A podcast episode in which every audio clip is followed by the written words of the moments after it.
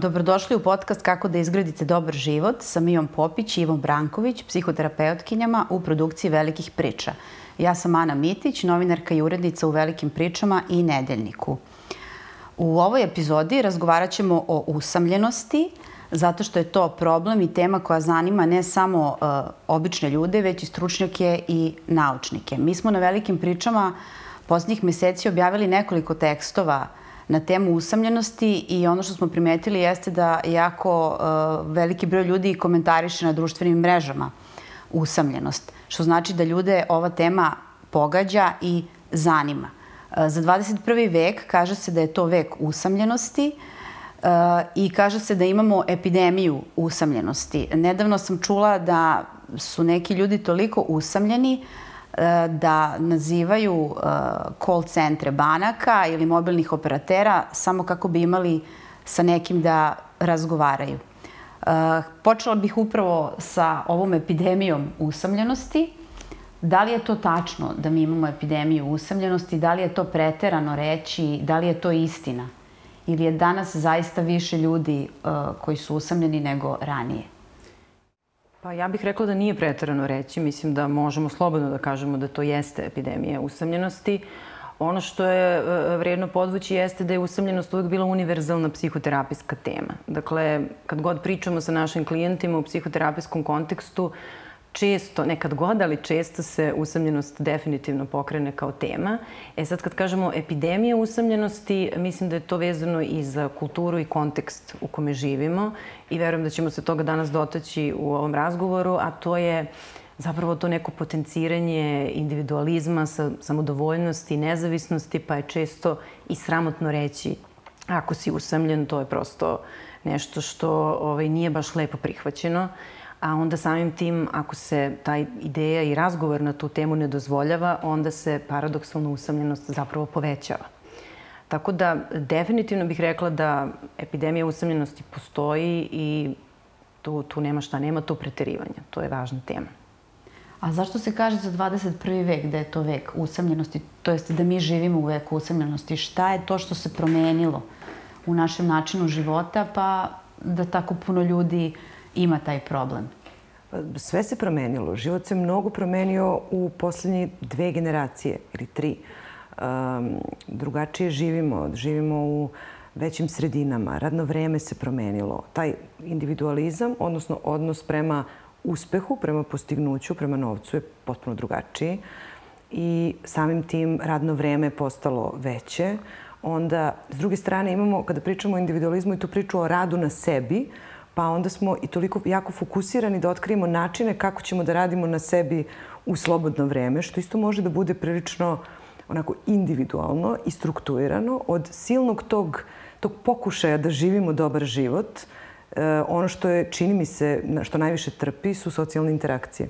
Jer mi nemamo toliko vremena, nema više spontanosti u druženju. E, imamo prijatelje, veze i odnose, ali ne onako intenzivno kao što smo imali ranije a za negovanje odnosa potreban je i neki, ne samo kvalitet, nego i kvantitet, potrebno da se odvoji neko vreme.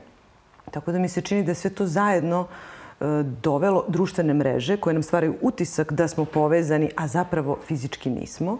I onda to utiče na odnose, na njihov kvalitet i onda oni sa vremenom ovaj, jel, su sve slabiji, e, opada intenzitet interakcije i ljudi više nisu povezani, osjećaju se sve usamljenije, što su stariji, zato imamo to da su jel, stariji najusamljeniji, ali mislim da to sad ide kroz, kroz sve generacije. A za društvene mreže nisu trebale da dovedu do veće povezanosti među ljudima? To je ono što se očekivalo uh, da, da, da su ljudi ono na jedan klik jedni od drugih i da će tehnologija da pomogne da komunikacija između ljudi bude intenzivnija, da olakša komunikaciju. U stvari smo mi došli do toga da smo otišli u jednu drugu, u suprotnost od onoga što se očekivalo od društvenih mreža. Zašto se to dogodilo? Pa one jesu nas donekle povezale, ali sigurno da imate u svom iskustvu kada nam ljudi kažu jao, nismo se dugo videli, ali imam utisak da te viđam stalno jer vidim tvoj Instagram i vidim tvoj Facebook. Prosto oni stvaraju privid povezanosti, ali se postavlja pitanje koliko je ta, to suštinska povezanost. I kad pričamo o društvenim mrežama, one naravno imaju svoje prednosti, ali su dobrim delom nuspojava te jedne narcističke kulture u kojoj mi živimo, koja vrlo potencira individualizam, kao što sam malo pre rekla. Dakle, postignuće, uspeh, to koliko smo popularni i slično.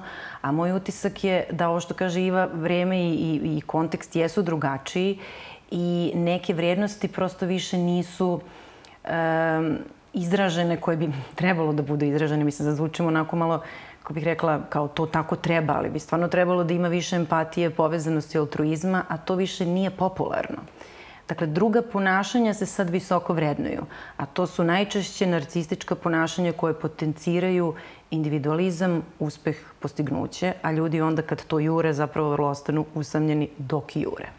Kad pričamo o društvenim mrežama, ja sam skoro čula jedno sociološko razmišljanje na tu temu, da to, mi ih zovemo društvenim mrežama, ali u stvari to nisu prave socijalne mreže, nego pre društveni forumi. Jer to su neki mm. različiti ljudi koje, s kojima mi nismo u kontaktu, ali koje nekako poznajemo, one predstavljaju potencijal za povezivanje. I sad i tu zavisi kako ih koristimo. Znači, to, i kad razmislimo o svojim mrežama, mi ne poznajemo ni sve ljude koje imamo na društvenim mrežama, ili su nam to neki poznanici, ili ih nismo ne znam koliko dugo videli ali je to isto važno da, da shvatimo da iako imamo mreže, one nas s jedne strane nam stvaraju mogućnost da se, da se povežemo, a da li će to tako i biti ili ne, to stvarno zavisi od slučaja do slučaja. Da li je to možda pitanje kvaliteta uh, odnosa?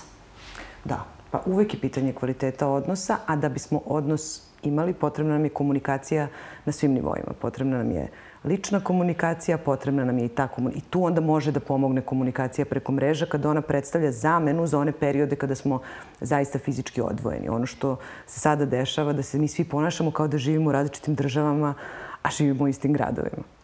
I to, da. to je ovo, ovo vreme donelo.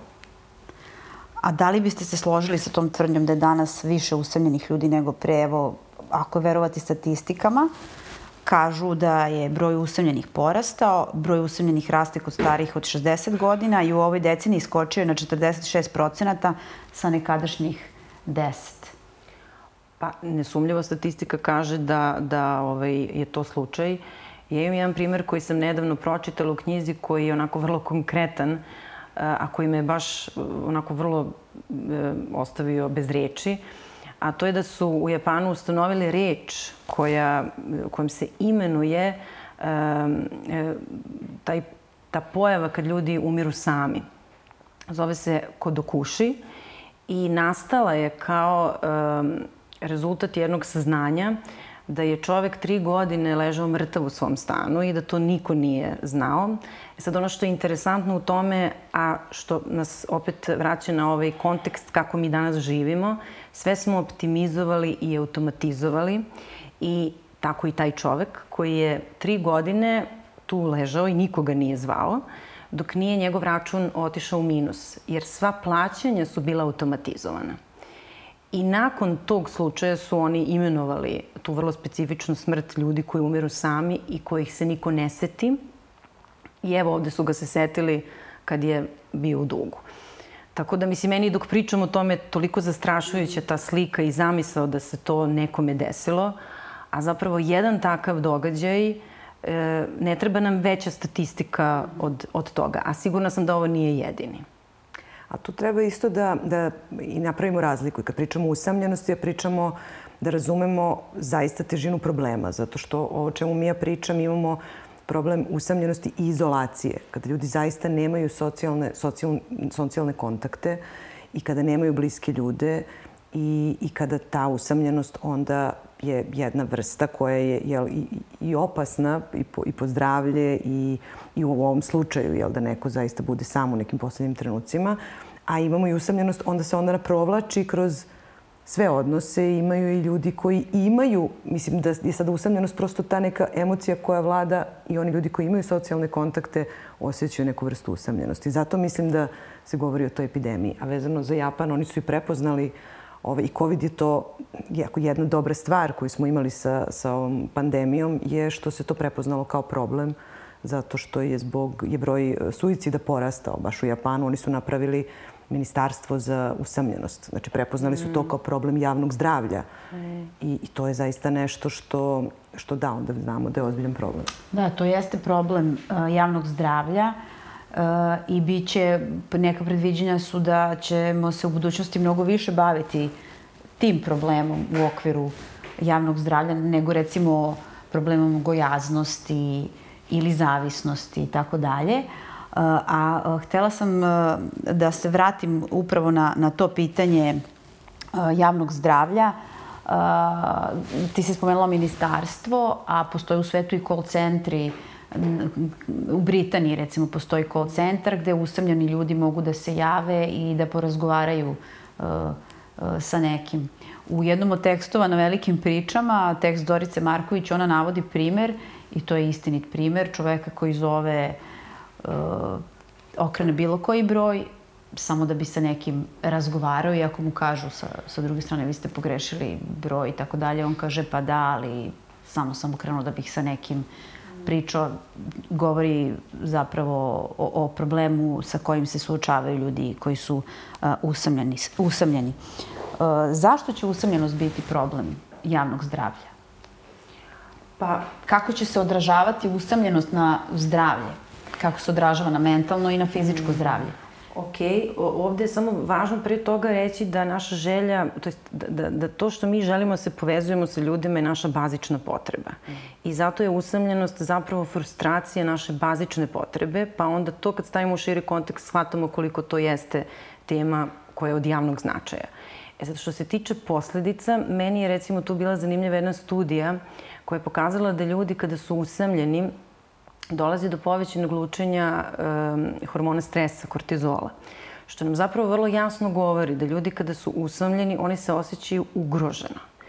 I to, je, to, to nužno mora da utiče na njihovo i fizičko i mentalno zdravlje.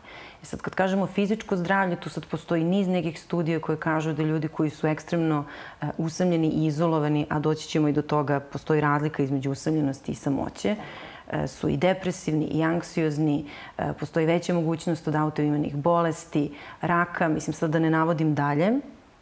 A što se tiče naravno mentalnog zdravlja, e, mislim tu, tu ne znam prosto šta bih još rekla osim depresije, anksioznosti i toga što ljudi teško spavaju i osjećaju se prosto da nigde ne pripadaju i to su često teme koje mi dobijemo u psihoterapijskom kontekstu. Ti si rekla da je to uh, bazična osjećaj... potreba. Da, da. da li uh, je usamljenost toliki problem i, i rekla si da se ljudi osjećaju uplašeno, da li je u stvari to strah od smrti u nekoj pozadini pa, tog straha od de, usamljenosti? Recimo, Irvin Jalov bi rekao da, uh, jer svi naši strahovi su neka variacija na temu straha od smrti, A kad razmišljamo o smrti, ono što znamo sasvim sigurno je da čak i ako smo sa nekim, mi svi zapravo umiremo sami i da je to jedno toliko uh, idiosinkratično, subjektivno iskustvo. Niko ne može da nam prepriča kako je. Tako da ako za nešto znamo da ćemo biti usamljeni, to je taj, taj trenutak. Mm -hmm. Tako da, da, da, rađamo se sami i umiremo sami. Pa da. Tako da to, to se isto kaže za, za ja taj bih rekla vrlo tačno. Osjećaj. Da. Dobro. A, Kako bismo u stvari mi definisali usamljenost? To bi mogla Iva da nam objasni. Da li je to tuga zbog nedostatka prijatelja i To ti je najteže pitanje od svih, zato ili, se smera. Da. Ili je to da. nešto da. mnogo komplikovanije i složenije? Evo sad neko kad razmišlja da li je on usamljen, pa nas sluša.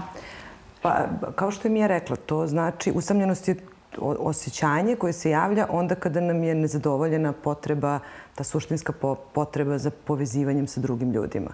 I ona može da, da se javi, pravi se tu neka razlika između emocionalne i socijalne usamljenosti. Nekad smo usamljeni, ta socijalna usamljenost je kad bismo mi se družili sa ljudima ili bismo hteli nešto da radimo, nemamo s kim. I to je, onda, to je onda ona usamljenost koja je slična samoći, jer sad trenutno nemam sa nekim da podelim neko iskustvo, da razmenim i tako dalje. A emocionalna usamljenost je ona situacija kada mi imamo ljude oko sebe, ali ti ljudi ne znaju da odgovore na naše emocionalne potrebe ili ne dele slične interesovanja kao mi i onda se, iako smo okruženi ljudima, osjećamo usamljeno. Znači, usamljenost je emocija koja uh, je s jedne strane loša ako je hronična, kao i sve negativne emocije, ali kao i sve negativne emocije je dobra u smislu da predstavlja signal, ona nam govori da nešto u našem životu nije kako treba. Bilo da nemamo ljude s kojima možemo da delimo ono što želimo, e, ili da imamo ljude, ali opet oni nisu ti ljudi s kojima možemo da živimo onaj život kako bismo hteli. Tako da e, je važno da o njoj pričamo i mi je već rekla. Zato je usamljenost važna tema jer je ona važna na svim nivoima i na tom praktičnom kako ćemo da brinemo o stanovništvu koje je starije, koje je sve više izolovano i koje će patiti od usamljenosti, a i na individualnom nivou svakog od nas kao emociji koja nam pomaže zapravo da, da prepoznamo šta nam treba a nismo dugo pričali o njoj. Neprijatno, je da, neprijatno nam je da pričamo o usamljenosti zato što postoji taj imperativ sada kada radimo na sebi i ako radimo na svom mentalnom zdravlju da smo samodrživi, da smo samostalni, da umemo da se organizujemo, da, da ćemo umeti da organizujemo svoje vreme, da umemo da budemo sami sa sobom. To ljudi često kažu kao ma ja kao nemam nikakav problem da budem kao sam. I to je super i to je važno. Važno je i umeti biti sam, ali je sasvim okej okay i želeti da budeš sa drugim ljudima i osetiti usamljenost i prepoznati je kao signal da nešto u životu treba da se menja. A kako prepoznati uh, osjećaj usamljenosti? Jer usamljenost nekad može da se krije iza, iza nekih drugih uh, osjećaja. Uh, recimo nešto zanimljivo što sam takođe pročitala u jednom od tih tekstova na velikim pričama jeste da uh, recimo osjećaj da se ostatak sveta snašao, da vama život izmiče. E, može da bude jedan od, od tih uh, uh, pokazatelja. Kao nešto ti izmiče i imaš taj osjećaj, u stvari ti si usamljen. Pa tu je važna ova distinkcija koju je Iva napravila između dve, dva aspekta usamljenosti. Ja kad sam malo to istraživala, kako se uopšte osjećanje usamljenosti meri, konkretno recimo u psihološkim istraživanjima. Postoje neki indikatori koji nam mogu pomoći da razumemo i kroz koje možemo da prođemo mi sad kao ispitanici kada bi ja merila svoje trenutno stanje usamljenosti, što sam uradila kad sam se pripremala za ovaj razgovor. Pronašla sam neke zapravo jako dobre validne instrumente uh, um, umereno sam usamljena, čisto da vam kažem. A hoćeš da nam ali, ispričaš kako si ali izmerila da, reći ću vam recimo jedan instrument koji je vrlo uh, validan, jedan od najstarijih uh, rađen je u Univerzitetu Los Angelesu, je upravo napravio ovu razliku između uh, socijalne i emocionalne izolacije i to su dve, kako oni kažu, subskale kada merimo uh, usamljenost. I treća je moj subjektivni osjećaj uh, da sam usamljena. I sad mogu da vas provedem kroz neke od tih indikatora. Vrlo se lepo nadovezuju na ovo što je Iva već rekla. Recimo, jedan od njih je ne osjećam se povezano sa ljudima oko sebe. To doslovno znači, dakle, ja ne moram da budem sama da bi bila usamljena. Ja mogu da se osjećam da u mom okruženju ne postoje ljudi koji mogu da validiraju moje osjećanje, da prepoznaju moje trenutno stanje. U toj, recimo, e, kategoriji je moji odnosi sa drugima su površni. Dakle, vi možete da budete okruženi e, ljudima, da imate bogat socijalni život, a da budete usamljeni jer su prosto kvalitet tih odnosa je površan, tu nema neke dublje razmene. To je možda ono pitanje kad te postoje, ali koliko stvarno imaš prijatelja? Mm, tako Dobrih je. prijatelja tako je, možeš tako da izviš? Um, ne postoji niko oko mene kome mogu da se obratim za pomoć. Dakle, ne postoji adekvatna podrška. Ono što mi je tu recimo bilo isto interesantno dve stavke. Nemam ništa zajedničko sa ljudima oko sebe. Vi možete vrlo da se osjećate usamljeno u jednom kontekstu u kome su ljudi ekstremno drugačiji od vas, drugačijih vrijednosti, drugačijih nekih opredeljenja. To je jedan vrlo intenzivan osjećaj usamljenosti kada ste negde gde se osjećate da ne pripadate. Ili recimo, moje interesovanje i ideje ne zanimaju ljude oko mene. I sad, kad pogledaš sve te stavke, ja sam samo iznala neke. Tu shvatimo koliko je pojem usamljenosti vrlo kompleksan. To je i kad te drugi ljudi ne vide i kada nemaš kome da se obratiš i kada se osjećaš usamljeno, to su sve aspekti usamljenosti. A kako si uradila taj test? Uh, kucala sam na Google uh, loneliness test, mm -hmm. vrlo jednostavno, izađe vam nekoliko. Mm -hmm. E, taj koji sam ja pronašla je variacija ovog e, naučno utemeljenog instrumenta. Ima nekih 25 stavki i sve su manje više indikatori poput ovih koje sam sad iznela koji se odnose na tri aspekta. Socijalna, emocionalna izolacija i subjektivni osjećaj usamljenosti. Jer može se desiti da vi imate subjektivni osjećaj usamljenosti, a da ova dva recimo nisu tako izražena. To je onda isto pitanje šta sa tim. Da. Ono što me zanima jeste kada se neko osjeća usamljenim, a u vezi je ili je u braku. Mm. Zašto se to dešava? Pa to se vrlo često dešava zapravo. Onda kada, kada ljudi imaju probleme, oni se udalje i više nemaju onu razmenu koju bi trebalo da imaju ili koju su imali na početku. I upravo, ovaj, sad dok ti čitaš u stvari te stavke, da, tako se neko može osjećati i u partnerskom odnosu, jer, e sada tu su se različiti razlozi zašto bi to moglo da se desi, ali promenile su se, promenile su se interesovanja, um, promenili se, promenio se način kako su ljudi pokazivali jedno drugom emocije ili se dogodilo ono što se vrlo često desi da je život postao previše intenzivan i da više nema vremena za onu razmenu koju su partneri ranije imali. Nego se razmena dešava onako usput, površno, e, oko tehničkih stvari, oko toga kako da se organizuje porodični život, kako da se prosto preživi dan, nedelja, mesec i tako dalje. I onda više nema te fine intimne razmene u kojoj će partneri podeliti neke stvari koje su stvarno bitne. I, i, a to su e, i strahovi, i zabrinutosti, i nadanja, i perspektive, odnosno ideje kako dalje zajedno. Sve to postanu nekako manje bitne teme zato što se ljudi bave svakodnevnim stvarima, a te teme su nešto što, što zapravo održava odnos bliskim, pored zabavljanja, odnosno pored nekog lepog vremena provedenog zajedno, koje je takođe podjednako važno, jer nam je važno da se zabavljamo i da pričamo o velikim stvarima, iako bismo nekako jednostavno pričali o partnerskom odnosu i šta bi značila njegova punoća, to bi bilo otprilike te dve stvari. Tako da da, partneri se udalje i onda shvate da su zapravo tu sami. To ide čak do toga i to se često desi da počnu da izlaze odvojeno. Jer jednostavno takvi su im rasporedi, nema ko da čuva decu i onda oni ovaj, jedan čuva dete, drugi izlazi i onda se bukvalno sve aktivnosti zajedničke prorede i oni postanu dva cimera i dva manje više stranca koje žive zajedno, a nisu više bliski kao nekada. Stiglo, stiglo jedno pitanje koje je potpuno suprotnost od ovoga što si sada rekla. Kaže šta ako se jedino osjećamo da nismo sami kada imamo partnera? Pa to jeste jedno uvreženo mišljenje da kada imamo partnera onda dobro, pod jedan stvarno nismo sami u smislu ove socijalne, nema socijalne izolacije, imamo partnera, ali ne znači da nećemo biti usamljeni. I to je u stvari ta kvaka, kude, kude se ljudi vrlo iznenade kako, kako se to zapravo desilo i kako je to moguće. Mnogo je jak taj dominantni narativ gde smo mi dobijemo poruku da je to jedini način da budemo srećni, da nećemo biti usamljeni ako smo u partnerskom odnosu. Pa onda to nekad bukvalno shvatimo, pa onda mislimo da je to zaista rešenje, a onda se iznenadimo kada se nađemo u partnerskom odnosu, a osetimo se usamljeno.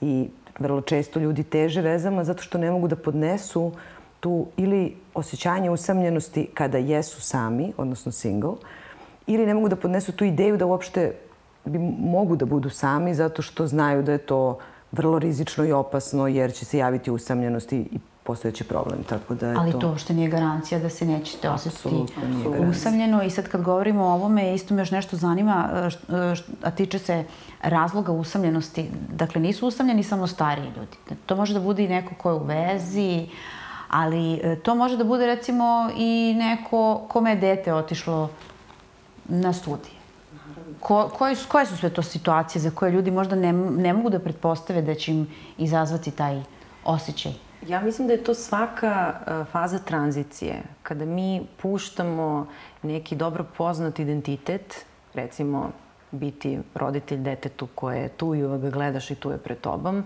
do toga da sad budeš uh, taj neki distancirani roditelj, to jeste dete ti je negde drugde. Ili um, sve druge tranzicije o kojima možemo da pričamo, promena posla, razvod, raskid, e, selidba, znači sve gde moramo da preispitamo e, sobstvenu sliku o sebi, to ko smo mi, e, sve su to potencijalne situacije u kojima možemo da se osetimo usamljeno. Kao da smo izgubili jedan deo sebe, jer usamljenost može da bude reakcija na gubitak nečega, kao što je i tuga, i mislim da i o tome treba da pričamo. To je neka vrsta egzistencijalne usamljenosti. Ko sam ja sad u, u ovom svetu i gde pripadam? Vrlo je vezano i za temu pripadanja. Mm -hmm. a, a u čemu je razlika između uh, usamljenosti i samoće? Ti si Iva pričala, to jest pi, pisala si o tome jedan tekst sa velike priče, mm. pa pošto si nam objasnila, objasnila malo pre neku definiciju usamljenosti, šta usamljenost jeste i kako je prepoznati, uh, kako da razlikujemo taj osjećaj uh, usamljenosti od uh, samoće? Uh, ja sam tu našla jedan super ovaj, objašnjenje koje kaže samoća je binarna. Znači, ili si sam ili si sa nekim. I ona je vrlo praktična stvar. Jeste, nije. Usamljenost, kao što je i Mija sad objasnila, ona je, ima različite forme. Znači, mi možemo, ne možete da budete, ne možete da budete, ne možemo da budemo malo sami. Mislim, prosto si ili sam ili nisi sam. U prostoriji, u životu si ili single ili nisi single. Mislim, okej, okay, možda ima tu komplikovanih nekih varijanti. to je za drugi neki partnerski odnosi u pitanju. Ali u suštini uh, to je poenta, to je ta ključna razlika. Znači, prosto smo ili sami ili imamo nekog, imamo neke ljude, trenutno smo sami kod kuće ili nismo, a usamljeni možemo da budemo u različitim kontekstima, u različitom intenzitetu, na različite načine. I, i zato je tu važno napraviti razliku, e, jer u stvari to koliko možemo da budemo sami zavisi od toga kako se odnosimo prema usamljenosti. Jer ljudi koji razumeju usamljenost kao jedno normalno, ok osjećanje koje uh, koje je to informacije i koje nije ništa strašno, da to ne znači ni da su oni pogrešni, a to je vrlo često problem sa usamljenošću, jer ako sam usamljena ja ne valjam jer se nisam snašla, ne vredim, ne umem sama da se organizujem ili me niko neće i nemam nikoga i to je sad druga jedna priča.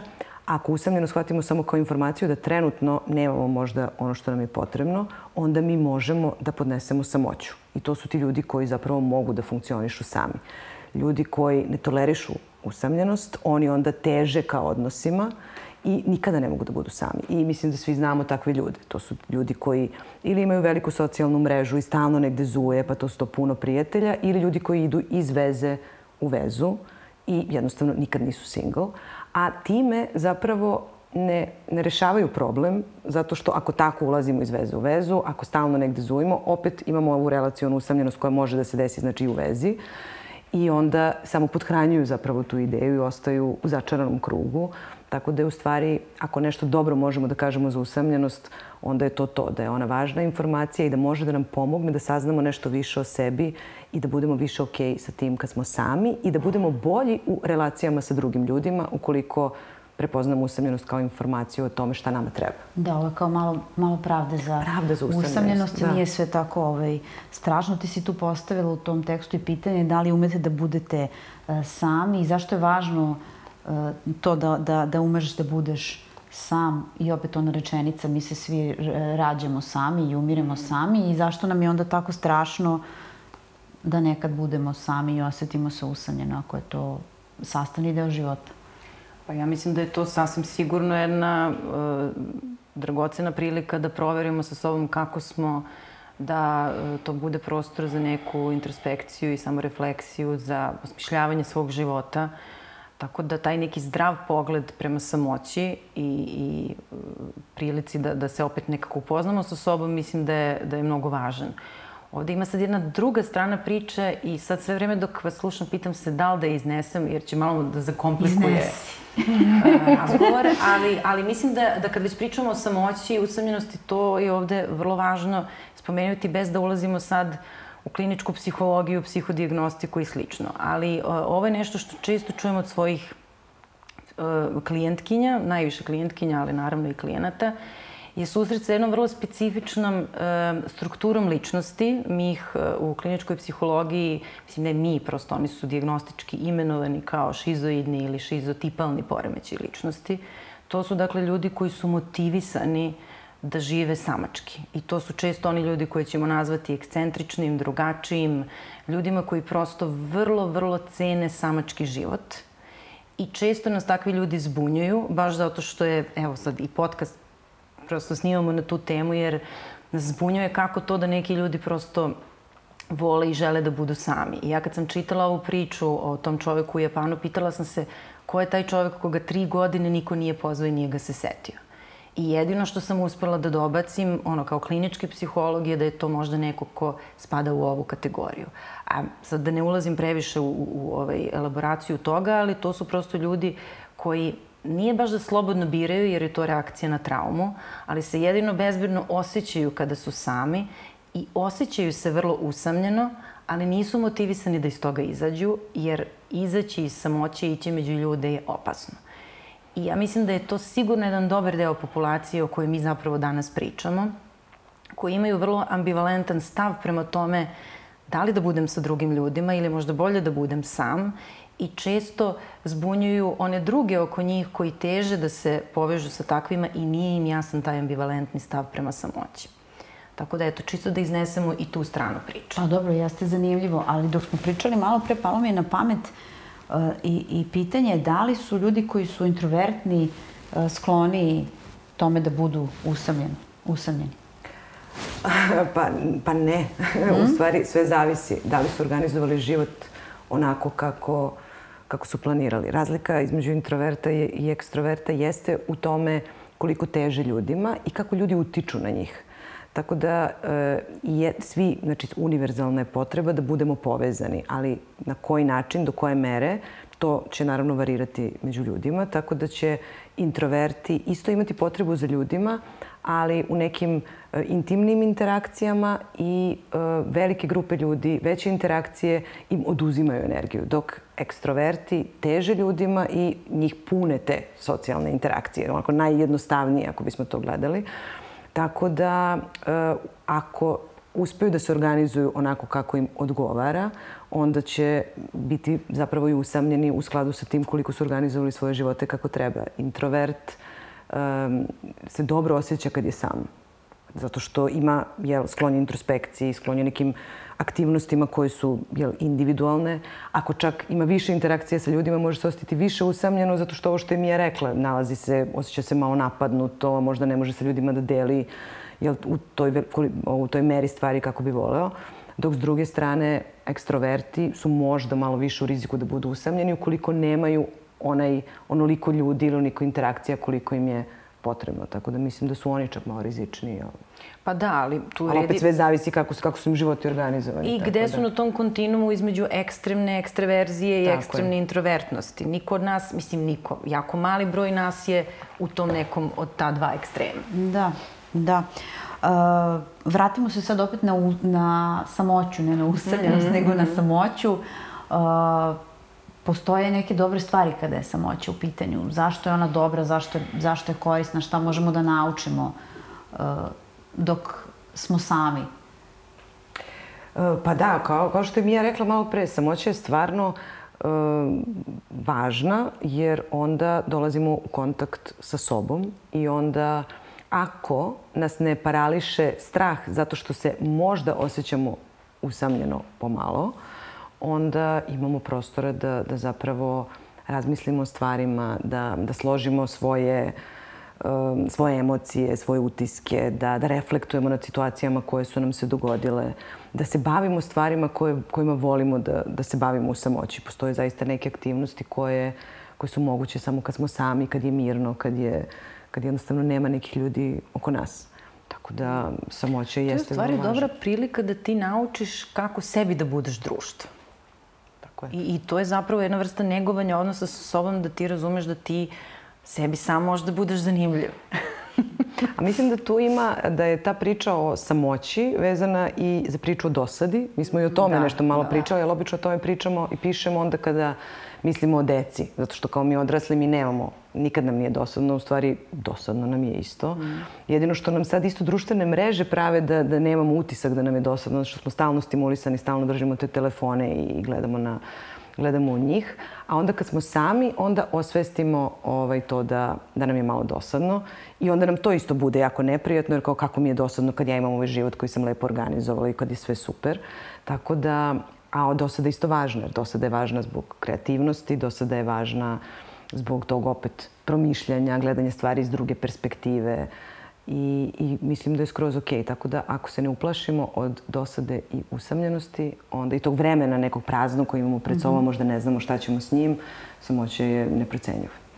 Dobro, dobro. Postoji nešto zanimljivo što si ti napisala i sad ću ja to pročitati. Uh, lakše će neko priznati da je tužan ili povređen nego da je usamljen. Stigma oko usamljenosti proizilazi upravo iz onih aksioma mentalnog zdravlja s početka. Ako si usamljen, to znači da nemaš nikoga i ne vrediš. Ili ako si usamljen, to znači da ne znaš da budeš sam sa sobom i opet ne vrediš. Zašto ne treba poricati usamljenost, ali šta nosi priznanje? Ljudi teško priznaju upravo zbog ovoga. Pa da. Da manje vrede, da... Mm Baš je nepopularno reći mm. ja sam usamljen ili usamljena, lako kažemo to. tužna sam, razočarana sam, ljuta sam, to je uvek ok da se kaže. Ali usamljena sam da, zato što je onda to nosi tu pretpostavku da niko neće da se druži sa mnom. Ili nosi pretpostavku da ja ne znam sama da se organizujem kad sam kod kuće i da nisam dovoljno radila na, na svom mentalnom zdravlju i na sebi. A bez obzira na to, to je važno da kažemo, koliko smo radili na sebi, koliko znamo da organizujemo svoje slobodno vreme, moramo prosto da se u nekom trenutku ostavimo usamljen. I to je To je sasvim je sad... ok emocija kao i svaka druga. Meni je sad palo na pamet to kad si rekla baš nije popularno. U stvari možeš da ispratiš šta ljudi kače na Instagram. Ljudi se na Instagramu predstavljaju. Češće ćeš da vidiš u nekom kopiju ili opisu e, kad ti neko ono, priča o svom ličnom razvoju ili šta god, ja umem da budem sama. Ja sam naučila da budem sama ja sa sobom provodim kvalitetno vreme. To su tako društveno poželjne rečenice i vrlo popularne, ali redko gde ćeš da sretneš, osim ako pišu psiholozi i psihoterapeuti, ali i tu, usamljena sam ili prosto usamljenost je okej. Okay. Znaš, nema tog hashtaga. Mm -hmm. Ali ima ovog ja umem sama sa sobom. Pa tako je, I can buy myself flowers, I can tako hold je. my own hand. Znači sad je moraš sama sa sobom na date i da ti yes, bude lepo. Da. Ja stvarno moram da priznam da ja ne volim da idem sama sa sobom na date. ali pa sad smo malo kontradiktorne, jer kao treba uvažiti, malo pre sam rekla to odnos sa sobom. Ja to je da lepo. ti voliš ovu pesmu, ali, izvini. Da, da, da, ali ne, mislim, samo hoću da kažem da je svaka ideja kada ti dovedeš nju do ekstrema, ona postaje problematična. I to je ono što mi u stvari ovde pokušavamo da kažemo. Nije poenta da sad svako sve vreme može samo da bude sa sobom. Mi, ljudi, želimo da se povezujemo, ali ne želimo ni da satanizujemo tu samoću kao nešto najgore na svetu. Pa jeste, ona kao jeste bad guy, ali ne treba je demonizovati. Tako je. Ovaj, ali ti si imala, re, ispričala si mi uh, koja je najhumanija društvena mreža, a ima veze sa da. usamljenošću, pa evo, ispričaj nam to. Potpuno sam se iznenadila, zato što sam mislila da su prosto sve mreže humane ili nehumane na, na slične načine. Ispostavilo se da je neko istraživanje pokazalo da je Instagram uh, umanjuje usamljenost više nego recimo Twitter, zato što na Instagramu vidimo slike, a slike nam daju utisak da delimo intimu sa drugim ljudima. Dok na Twitteru imamo samo rečenice i tu nemamo utisak povezivanja jel, nego samo neku možda da razmenu misli ili to da nam ljudi samo daju svoje ideje, ali to što vidimo, te intimne momente iz tuđih života, to, ovaj, sad pretpostavka je da je to, znači, ali mereno je to kako su ljudi reagovali na izloženost e, Instagramu i, i Twitteru i pokazalo se da Instagram umanjuje usamljenost, što je meni potpuno fantastično, to, ali da. eto... Mislim, meni je to isto iznenađujuće, ali kad pogledaš, Twitter je intelektualno utrkivanje. I često se osjećaš usamljeno kad sediš sa ljudima koji su u nekoj intelektualnoj debati. A ovde imaš utisak kao da te neko ono, pomilovao nekim svojim intimnim trenutkom čiji si ti deo, što je isto privid, ali kao da, ali očigledno je ta privid. emocija prva koja Malo se osjeti je da, da, eto, podelili smo nešto. Neko je sa mnom podelio nešto tako što je stavio svoju intimu da mi svi vidimo. Vrlo zanimljivo. Da, zato podcast e, Dobar život e, je na Instagramu, a nije na Twitteru.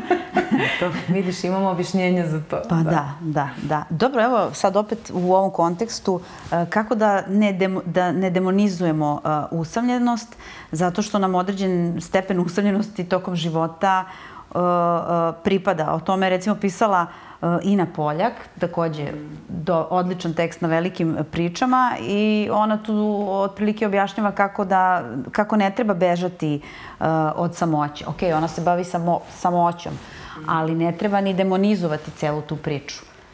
Kako? Pa, da, meni je taj tekst stvarno odličan kao i, i sve što Ina napiše. E, mislim da je tu e, e, zanimljivo to što je ona poentirala sa tim da ti, da ona je usamljenost nekako vezala za to da mi ne moramo da budemo po svačoj meri. Znači, možeš da ostaneš usamljen u nekim svojim idejama, u nekim svojim stavovima. Ne moraš da budeš po svačoj meri i ponekada ćeš stvarno da se osjećaš usamljeno u nekim svojim perspektivama, ali to je okej. Okay. Tako da je ona tu, čini mi se, malo tu perspektivu promenila, mene se to mnogo dopalo. Uh, Dakle, nije svaka usamljenost loša. Neka usamljenost je i izbor koji napravimo da nećemo da se uklapamo, nego ćemo biti tamo gde pripadamo. Što su isto dve potpuno različite stvari. Mi se često uklapamo po cenu svoje autentičnosti i onda tek tu ostajemo usamljeni. Ovo je izbor koji napravimo. Biću sama usamljena u nekim svojim stavovima i pogledima i to je sasvim ok, to je cena koju plaćam za svoju autentičnost.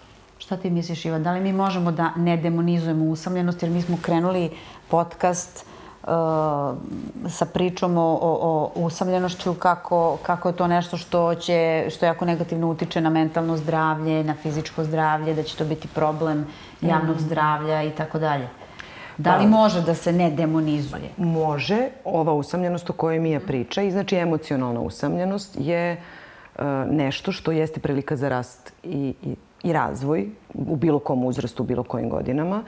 Uh, ono što je opasno i na što treba da skrenemo pažnju, to je socijalna izolacija koja kreira jednu drugu vrstu usamljenosti koja je opasna po zdravlje. Zato mislim da je tu važno da pravimo tu razliku. Mm da, da ne bi sad bilo, jer za, zaista jeste kompleksna tema, ko što, je, ko što smo sad i zaključili u stvari. Pričamo o, o vrlo jednoj kompleksnoj emociji koja je uh, mora da bude sa nama i mnogo je važna kao informacija o tome šta nam se dešava i u kom ćemo pravcu da idemo, ali je kao i svaka negativna emocija opasna ukoliko postane hronično stanje kao i stres. Mi sa stresom živimo svakodnevno, ali ako nemamo kada se oporavimo od stresa i nemamo momente kad nismo pod stresom i onda ulazimo u burnout na poslu, onda dolazimo do depresije u privatnom životu, ako stres prevazilazi naše mogućnosti.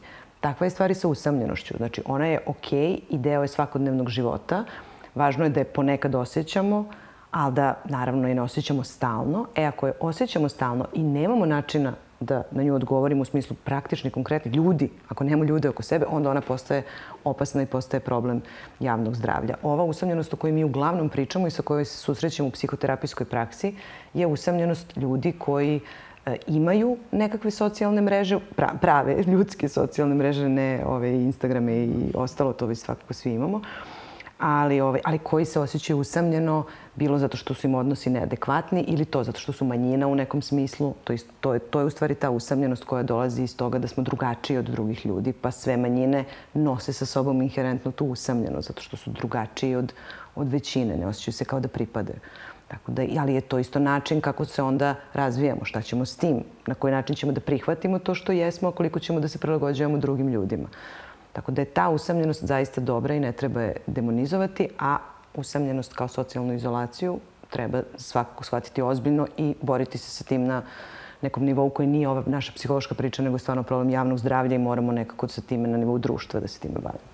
Više puta smo, to jest vas dve ste spomenule depresiju. Kakva je veza depresije i usamljenosti? E, složeno je pitanje, ali pa, e, jer je depresija skroz druga tema, ali postoji veza postoji veza i opet dolazimo do ove e, emocionalne e, usamljenosti, to jest emocionalne izolacije. Depresivni ljudi će često reći za sebe e, da nisu viđeni da nisu viđeni u emotivnom smislu, da, ih, da drugi ljudi, najčešće značajni ljudi iz njihovog okruženja, bilo da su to nekad bili roditelji, a sad su partneri, e, nisu suštinski videli kako se oni osjećaju. I to jeste pitanje emocionalne izolacije koje može da bude u osnovi E, depresije i e, ono što u kognitivnom smislu održava depresiju je ideja da, da se to nikad neće promeniti. Da nikad neće postojati niko ko će suštinski da vidi mene kakva ja jesam i mene kao jedno kompleksno emotivno biće. Mislim, to je samo jedan aspekt depresivnog raspoloženja, postoji puno drugih, ali u kontekstu uh, usamljenosti mislim da, da je to ono što najčešće čujem u psihoterapijskom radu. E, ono što mi se ne sviđa, a moram da postavim to pitanje, jeste ona rečenica kad nekome ko se osjeća usemljeno, neko drugi kaže sam si kriv za to. I verovatno i ljudi koji se osjećaju usamljeno preispituju, preispituju se koliko su oni doprinali tome da se osjećaju usamljeno, e, zašto nemaju više prijatelja, zašto ih niko ne zove. Ja mislim Kolika da je to... odgovornost? ako može tako da se, da se kaže uopšte. A ta reakcija je vrlo česta, mislim, to kad kažeš sam si kriv, to tako ljudi, ljudi obično reaguju na sve stvari kojih se suštinski jako plaše. Mm -hmm. I to je obično i kod problema mentalnog zdravlja.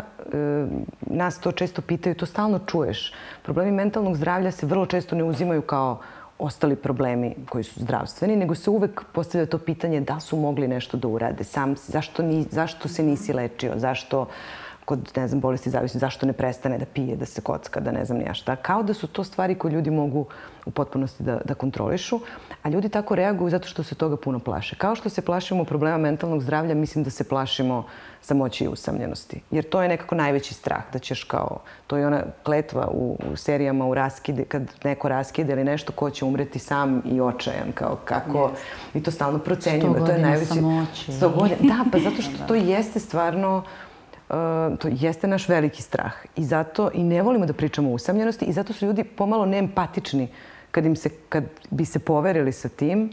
Onda dobijemo taj odgovor možda kao, pa eto, sam si kriv. Jer ne želimo da verujemo da to nama može da se desi, jer svi su u stvari trudimo da živimo nekako, da, da imamo neku mrežu oko sebe, neke ljude, da ne bismo ostali sami. Posebno to da ne bismo ostali sami na kraju. Iako svi znamo ovo što da smo rekli da ćemo na kraju. biti sami pa, na da. kraju. To je ta veza između straha od smrti i straha od samoće, jer su neraskidivo povezani. Pa da, u stvari ja kad kažem ti si kriv, ja sam onda sigurna, jer ja mm. treba da radim sve drugačije od toga što ti radiš i sad vidim kako si zapravo tu završio, gde si.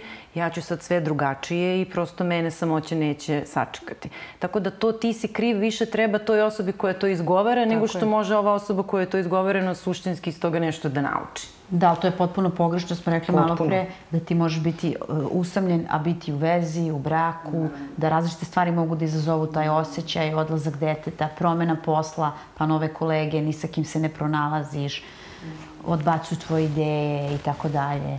Tako da to je potpuno pogrešno i to mi je bilo bitno da, da, da kažemo niko negde. nije postao manje usamljen od toga što mu je neko rekao da je još i kriv za to. Da. Tad se još osjećao samo malo i glupo pored toga što je usamljen. Da, tako da ne treba to govoriti ljudima. Apelujemo na I to. I nije tačno. Da, da. Nije.